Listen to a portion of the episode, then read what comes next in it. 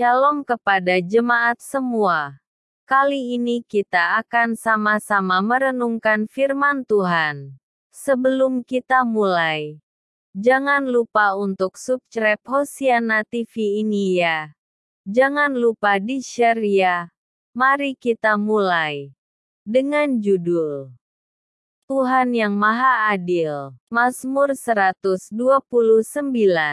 Penderitaan merupakan bagian yang tidak dapat dipisahkan dari kisah keselamatan umat Tuhan di sepanjang sejarah.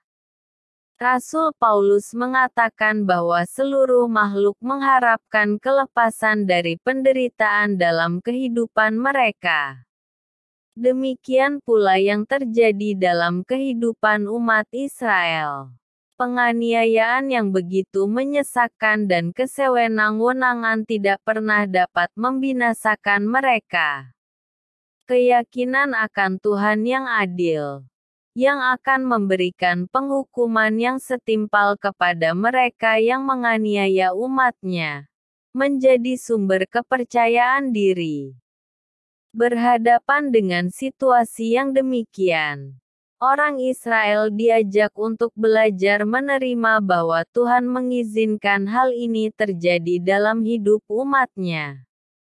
Mereka juga diajak untuk percaya bahwa Tuhan akan menolong mereka sesuai dengan waktunya. Umat Tuhan harus menantikan Tuhan yang akan menghakimi musuh-musuh mereka. Masa-masa seperti ini merupakan kesempatan untuk melihat pekerjaannya yang dinyatakan bagi umatnya. Dalam kehidupan orang percaya pada masa kini, penderitaan hadir dalam wajah yang berbeda-beda.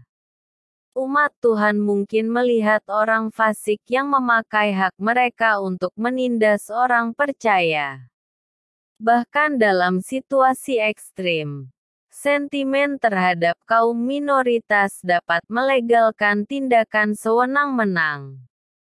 Dalam menghadapi situasi seperti ini, umat Tuhan diajak untuk belajar mempercayai Tuhan yang memberikan pertolongan tepat pada waktunya.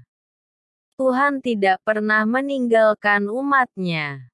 Di tengah kesulitan seberat apa pun, akan ada kelepasan darinya. Umat Tuhan juga harus belajar menantikan Tuhan yang akan menyatakan penghakimannya atas orang-orang fasik.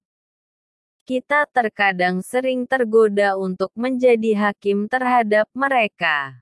Namun, satu hal perlu kita ingat. Dialah hakim yang maha adil terhadap musuh-musuhnya.